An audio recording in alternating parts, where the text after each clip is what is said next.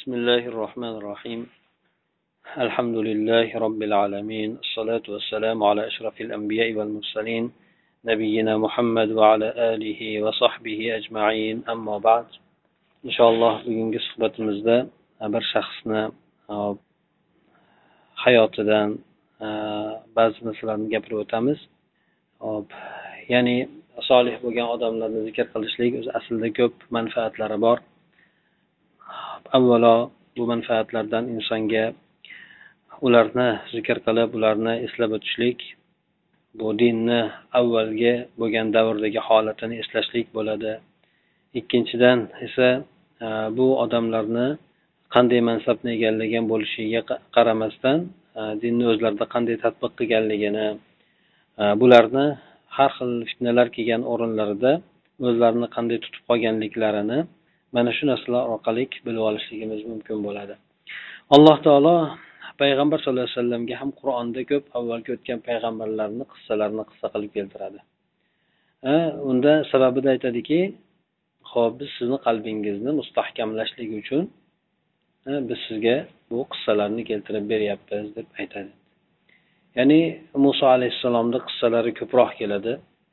Sababi muso alayhissalom ham o'zini qavmi tomonidan qattiq tazyiqqa uchraydi. O'sha narsa har qalay payg'ambar sallallohu alayhi vasallamga tasalli bo'ladi. Shundan payg'ambar alayhissalom ba'zi o'rinlarda ham aytadiki alloh taolo musoni o'z rahmatiga olsin.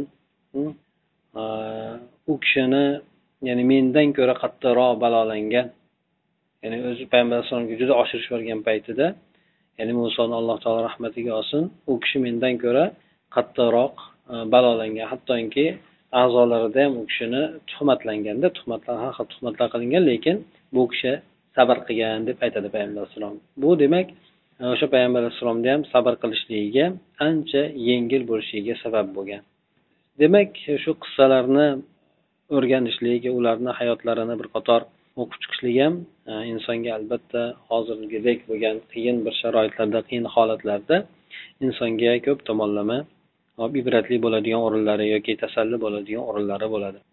Bu shaxs oldin ham bilmadim esimda yo'q bir gapirib o'tganmidik. Hop umar ibn abdulaziz rahmaulloh bu kishi hop umaviylarni davrida ya'ni sahobalarni davrida yashab o'tgan. Umaviylarni xalifalaridan birisi hisoblanadi. Olimlar esa bu kishini xulafoi roshidinlarga kirgizadi.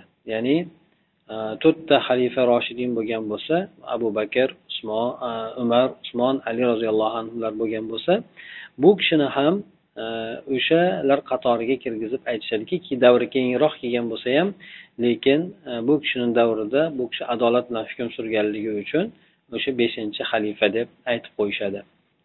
Bu kishi avvalda yoshlik paytlarida usmon roziyallohu anhuni yaqinlaridan bo'ladi. Hop madinaga amir bo'lib saylanadi. Abdumalik ibn marvon davrlarida madinaga amir bo'lib saylanadi. Keyin e, bu kishi u abdumalik ibn marvonni qiziga uylanadi. Abdumalik ibn marvon mashhur bu kishi e, muaviy roziyallohu anhudan keyingi davrlarda keladida bu umaviylarda o'sha katta ya'ni uzoq davom etgan e, podsholardan birisi xalifalardan birisi deb aytiladi. Bu kishini davrida hop ancha yaxshi ishlar ham qilingan shu bilan birgalikda. Hattoki bizni diyorlarni fath bo'lishligi ham taxminan o'sha umaviylarda o'sha abdumalik ibn marvon davrlariga umar ibn abdulaziz davrlariga to'g'ri keladi. Mana asosan demak o'sha e, abdumalik ibn marvon davrida endi bir tomondan hajjoj bo'lib u kishini ancha hop e, nomini qoraytirgan bo'lsa hajjoj zolim bo'lgan u kishi qo'mondon bo'lgan hajjoj. Shuningdek hop u abdumalik ibn marvon davrlarida e, askarlar xuroson tomonga qarab hindiston tomonga qarab e, nima tomonga qarab mag'rib tomonga ya'ni yevropani e, janub tomoniga ya'ni arab afrikani shimol tomoniga qarab turib qo'shinlar jo'natishlik e, o'sha abdumalik davron e, marvon davriga to'g'ri keladi. O'sha paytda demak bizni diyorlarimizda fath qilishligi amalga oshadi endi. Demak abdumalik ibn marvonni bu kishi kuyovlari bo'ladi. Yoshligidan juda bir o'ziga juda oro bergan e, hatto bu kishi bir ko'chadan o'tadigan bo'lsa atirlari shunday qolib shunaqangi bir o'ziga oro berib hattoki e, yoshlar e, asosan bu kishiga o'xshashlikka harakat qilib shu darajada bo'lgan. Juda o'ziga ziynat berishlikda zeb berishlikda katta katta mablag'larni sarflagan deyishadi. Ya'ni juda bir kiyimlarni ham eng oldini olib atirlarni ham eng oldini olib shunday bo'lib yurgan endi yoshligida. Bu kishini keyinchalik bu kishidagi topilgan o'sha taqvo ya'ni keyin ilm bu kishi o'zi aslida ilm ahillarini yaxshi ko'rib yurgan o'sha amir bo'lgan paytda ham alloh taoloni taqdiri bu kishiga bu kishini xalifa bo'lishligiga to'g'ri kelib qoladi. Xalifa o'tayotgan dunyodan o'tayotgan xalifa bu kishini o'rniga o'zini o'rniga voliy qilib ketadi. O'zini o'rniga o'rinbosar qilib ketadi. Bu kishi xalifalikka bu kishini tayin qilinayotgan paytda e'tiroz bildiradi ya'ni bosh tortadi xalifa bo'lishlikdan. Lekin odamlar bu kishini qo'ymaydi baribir xalifa bo'lishlikka majbur qilishadi. Bu kishi o'zini zimmasiga juda katta mas'uliyat olayotganligini his qiladi. Avvaldanoq e, xalifalikka endi boshlanish paytidaglar juda katta bir e, askarlar bilan o'sha avvalgi xalifani izvoshlari deymiz yoki bo'lmasa otliq e, askarlari arabalari shunday bir ziynatlangan kelgan paytida bular nima deb aytganda shunaqa sizni nimangiz uchun mansabingiz uchun shu narsalar avvalgi xalifada bo'lgan shu narsa sizga xizmat qiladi deganda hammasiga javob bering. Menga ular kerak emas men o'zimni minadigan ulov menga kifoya qiladi deb bu kishi ularni qaytarib yuboradi. O'sha xalifa bo'lganidan boshlab turib bu kishini hayoti keskin suratda o'zgaradi. U xalifa bo'lgan paytida taxminan qirqqa hali bormagan bir o'ttiz sakkiz yoshlarida bo'ladi. O'shandan boshlab hattoki ayoliga ham podshoni qizi bo'ladi. Juda bir nimada yashagan farovonlikda yashagan o'sha ayoliga ham aytadiki shunaqa tanlang men bilan yashaysiz lekin menga sabr qilib yashaysiz. Agar men qanday yashaydigan bo'lsam o'shanda yashashlikka rozi bo'lsangiz men bilan birga yashaysiz. Men lekin men aytib qo'yayki sizga vaqtim juda kam bo'ladi. Sizga qaraganda vaqtim juda kam bo'ladi. Yo agar ixtiyor qilsangiz bo'lmasa oilangizga ketsangiz bo'ladi deb ixtiyorli qiladi. Ayoli ham bu kishi bilan birga bo'lishlikni tanlaydi. O'shandan e, ayoli ham aytadiki shuncha vaqt mana ikki yil xalifalik bo'lgan bo'lsa bu kishi juda kamdan kam o'rtamizda aloqa bo'lardi bu kishi bilan. Ya'ni e, asosan bu kishi o'sha xalifalik ishlariga sho'ng'ib berilib ketgan edi deb aytadi. Bir kuni kechasida turgan paytida avvaldagi e, xalifalar nima uchun? Masalan aytaylik umar usmon ali bo'lsin abu bakr bo'lsin bu davrlardagi xalifalarni ancha ishlar yurishgan adolat o'rnatilgan alloh taolo tomonidan ummatiga o'sha paytlarda barakot berilgan. Shunaqa holat bo'lganini sababi olimlar aytishadiki sabablardan bittasi bular ham o'zlari olim bo'lgan edi ham xalifa bo'lgan edi. Ham o'zlari olim bo'lib turib xalifa bo'lganda shundan bular ollohni ham yaxshi taniyar edi. Xalqni ham huquqlarini juda yaxshi bilar edi. Shundan bular allohga ham ibodat qilardi xalqqa ham adolat qilardi. Shuning uchun bularni alohida paytlari ajralib turgan edi. Qachoniki olimlar toifasi bilan podsholar toifasi ikki toifaga ajralib ketgan paytida ana o'shandan boshlab muammolar kelishligi boshlandi. Olimlar bir tomon bo'lib ya'ni xalifalar ya'ni olim bo'lmasdan e, ya'ni dunyoviy odamlar bo'lib qolganda olimlar bu tomonda bo'lib demak o'rtasida kelishmovchiliklar yuzaga kelgan ular olimlarni o'ziga sotib olmoqchi boshqa qilmoqchi bo'lgan xullas kalom o'rtada ancha kelishmovchiliklar bo'lgan. Lekin umar ibn abdulazizni davriga kelgan paytda bu kishini o'zlari ham olim edi ham xalifa edi. Shuning uchun bu kishi o'sha paytlarda xuddi avvalgi xalifalar abu bakr umar bo'lsin usmon ali bo'lsin bular davrida bo'lgan o'sha insof adolatlar ayni bu kishini davrida ham tiklanishlikni boshlagan edi. Bu umar ibn abdulaziz e, rahmaulloh bu kishi umar roziyallohu anhuni qizlarini o'g'li bo'ladi. Ya'ni umarni nevarasi bo'ladi. Ya'ni ikkinchi umar ham deb qo'yishadi bu kishini. Ko'p tomonlardan bu kishi xulq atvor tomonlaridan o'sha umarni e, holatiga ancha tortgan edi deydi. Bu kishi xalifa bo'lgandan keyin ollohni haqida ya'ni hech kimni ayamasdi. Ya na yaqini bo'lsin na olloh agar bir Э, islom shariati bo'yicha islom hukm bo'ladigan bo'lsa ya'ni hech kimni rioya qilmas edi. Bu kishini to'g'risida anas ibn molik roziyallohu anhu aytadilar. Anas ibn molik endi bu kishi sahobiy mashhur sahobalardan. O'sha shu davrlarda umar ibn abdulazizni orqasida turib namoz o'qigan o'sha paytlarda xalifalar ham odamlarga imomlik qilar edi ham davlatni boshqarardi. Bular ham xutba qilar edi juma kunlari. Odamlarga imomlik qilar edi ham davlatni boshqarardi ya'ni bularni vazifa zimmasida juda katta ishlar bo'lgan edi. Shundan anas molik roziyallohu anhu aytadiki men mana shu yigitdan ko'ra payg'ambar sallallohu alayhi vasallamga o'xshatib namoz o'qiydigan odamni bolani ko'rmadi deb aytgan. Ya'ni bu kishi o'sha xalifa bo'lib turgan paytlarida shunaqa bir xuddi payg'ambar alayhissalomni namoz o'qiganidaqa qilib namozlarini shunaqa e'tibor jiddiy e'tibor bilan o'qiyardi. Bu kishi bir kuni kechasi turgan paytida ayoli umar ibn abdulazizni juda g'amga botgan hattoki o'sha jay namoz ustida o'tirib olgan holatda ko'zlarida yosh yani yig'lab o'tirgan holatda topadi.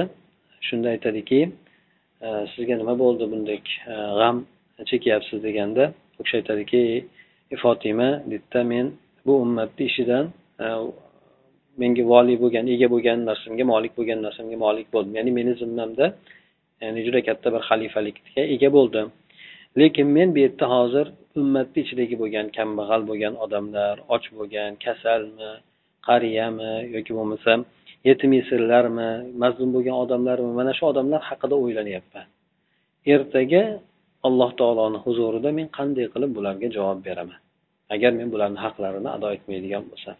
Bundan tashqari payg'ambar sallallohu alayhi vasallamni hadislari ham bor ya'ni men kim o'sha bevalarga yetimlarga zulm qiladigan bo'lsa men u odamni o'zim husumatchisi bo'laman. Men o'zim u odam bilan talashaman degan. Kim shu zulm qiladigan bo'lsa yetimlarga nochorlarga bevalarga shularga o'xshagan odamlarga.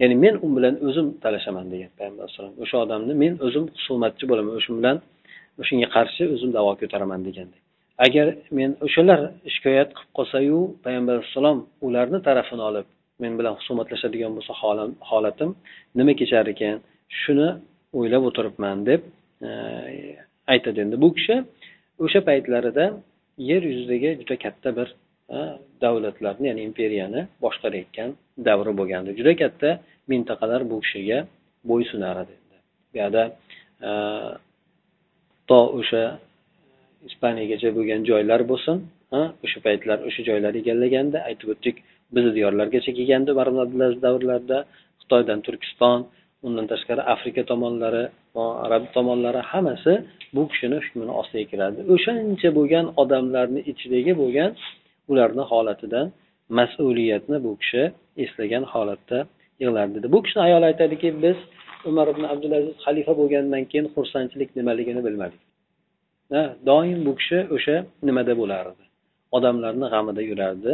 Nima deb javob beraman deb. Yana bu kishi alohida alloh taologa bo'lgan ibodatlarida juda bir boshqacha bo'lgan edi. Bir molik ibn dinor aytadi. Molik ibn dinor bu kishi zohidlik bilan tanilgan odam edi. Bu kishi avvalda bir qaroqchi bo'lgan odam bo'lgan lekin alloh taolo bir tavbaga muyassar qiladi. O'shandan keyin bu kishi butunlay ilm o'rganib e, olim bo'ladi zohid bo'ladi. Shu bilan tanilib ketadi. Shu kishiga aytganda zohidligini aytilgan paytda biz qanday zohid bo'lamiz haqiqiy bo'lgan zohid o'sha umar ibn abdulaziz. U kishiga dunyo shunaqangi og'zini ochib kelib turgan paytida ham u kishi hech narsasiga qaramasdan hamma narsasini tashladi? Bu kishi haqiqiy zohid bo'lgan odam deb turib aytadi endi. Alohida bu kishini bir uyi bo'lgan edi deydi. U yerga hech kimni qo'ymasdi kirishlikka. O'sha yerga o'zi kirib ya'ni allohga ibodatini qilar edi. O'sha yerga kirgan paytda alohida kiyimlarini podshohlikda kiyadigan kiyimlarini yechib alohida oddiy bo'lgan kiyimlarni kiyib turib alloh taologa o'sha bilan ibodat qilardi dedi. Odamlar o'ylashardiki deydi u kishini u yerda xazinasi bo'lsa kerak. Ya'ni hech kimni kiritgani qo'ymasdi deydi vafot etgandan keyin kirib qarashganda u yerda o'sha kiyimidan boshqa narsasi bo'lmagan o'sha ibodat qiladigan u kishini joyi bo'lgan. Hattoki bu kishi o'zini davrlarida omillari ya'ni hokimlari davlatlarga tayinlagan hokimlariga ham shunday bir e, maktublarni yo'llardiki ularni ham e, hattoki ba'zilari e, bu holat bo'ladigan bo'lsa ishlamayman ya'ni ishdan ketaman voliylik qilmayman deydigan darajaga borib qolgan bu kishi demak o'sha ishni qilayotgan paytda e, e, do'zax eslatib ya'ni inson qilayotgan narsasida xuddi go'yoki do'zax o'tini qo'lda tutib turgandek. Ya'ni o'sha narsaga nihoyatda qattiq e'tibor berishligi agar bironta narsada xiyonat bo'ladigan bo'lsa qaysi bir xalq qaysi bir odamlarni huquqlariga poymol bo'ladigan bo'lsa bu narsalar oqibati juda vahimali bo'lishligini tasvirlab bu kishi ba'zi nimalarga yozadi. Hattoki ba'zi hokimlari kelib bu kishidan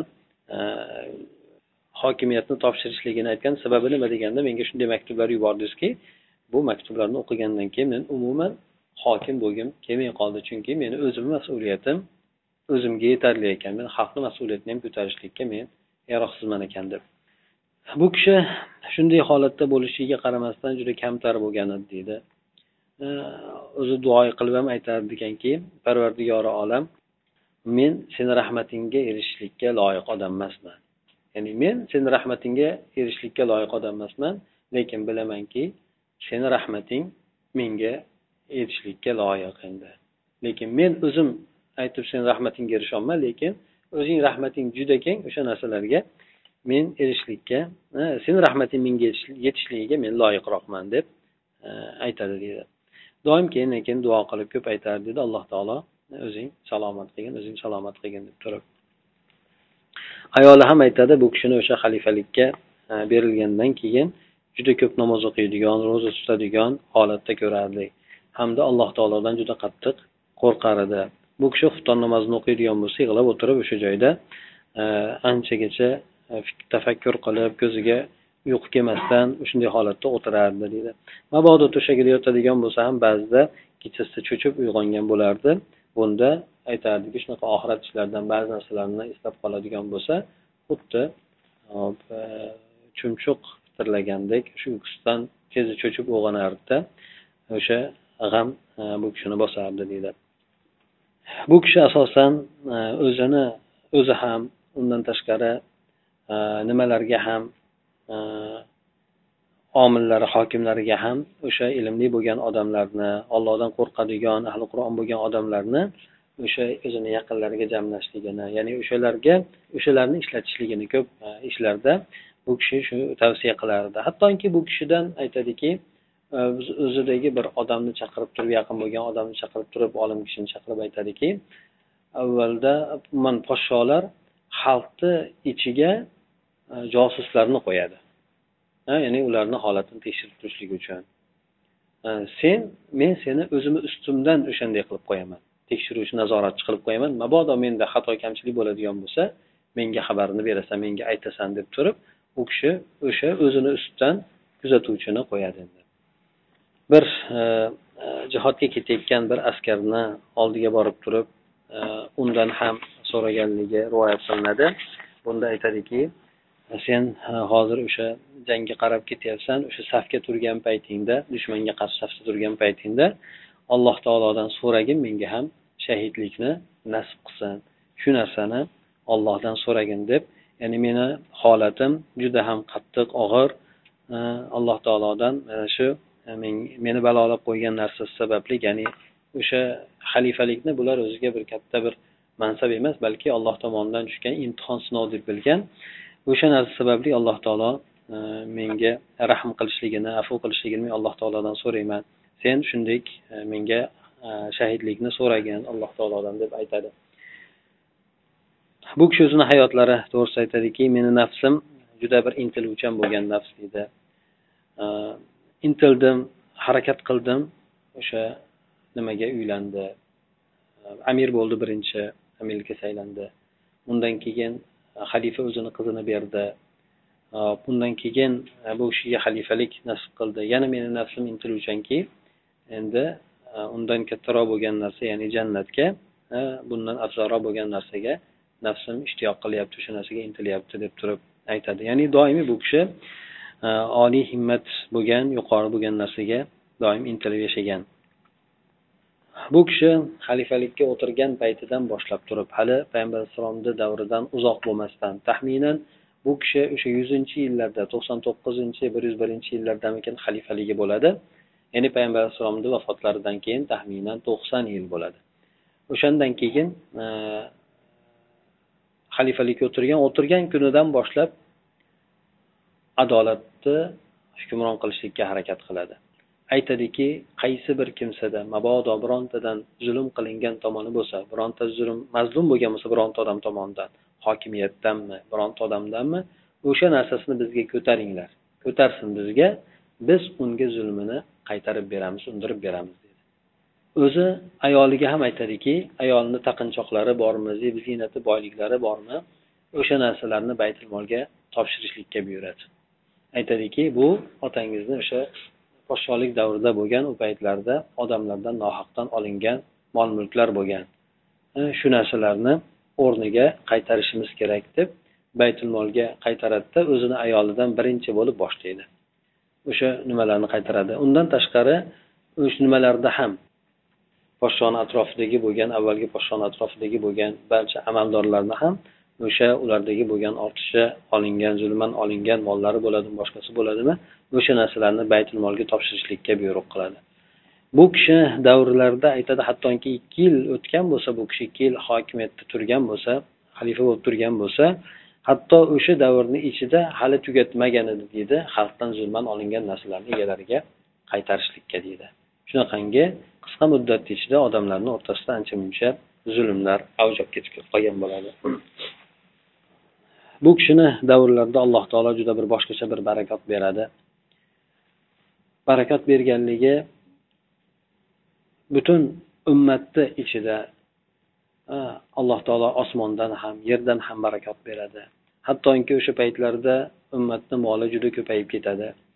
Hattoki hop ba'zi odamlar zakotini ko'tarib chiqadigan payt ko'tarib chiqqan paytda uni beradigan odamni ham topolmay qoladi. Hozirgi mana tunis u paytlarda shimoliy afrika deyiladi. O'sha yerdagi bo'lgan hokimlar o'sha yerda voliylari e, ya'ni xalqni zakotdan zakot olmaydigan holatga kelib qolganligini aytadi. Ya'ni zakotlarni beradigan odam yo'q. Ya'ni xalq demak o'ziga to'q bo'lgan ya'ni hech kim zakot oladigan darajada bo'lmagan.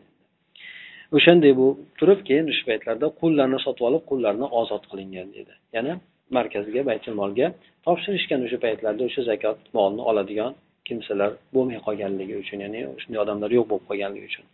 Bu narsalarni payg'ambar alayhissalom xabarini bergan lekin kelajakda bo'ladi bunga o'xshagan narsa.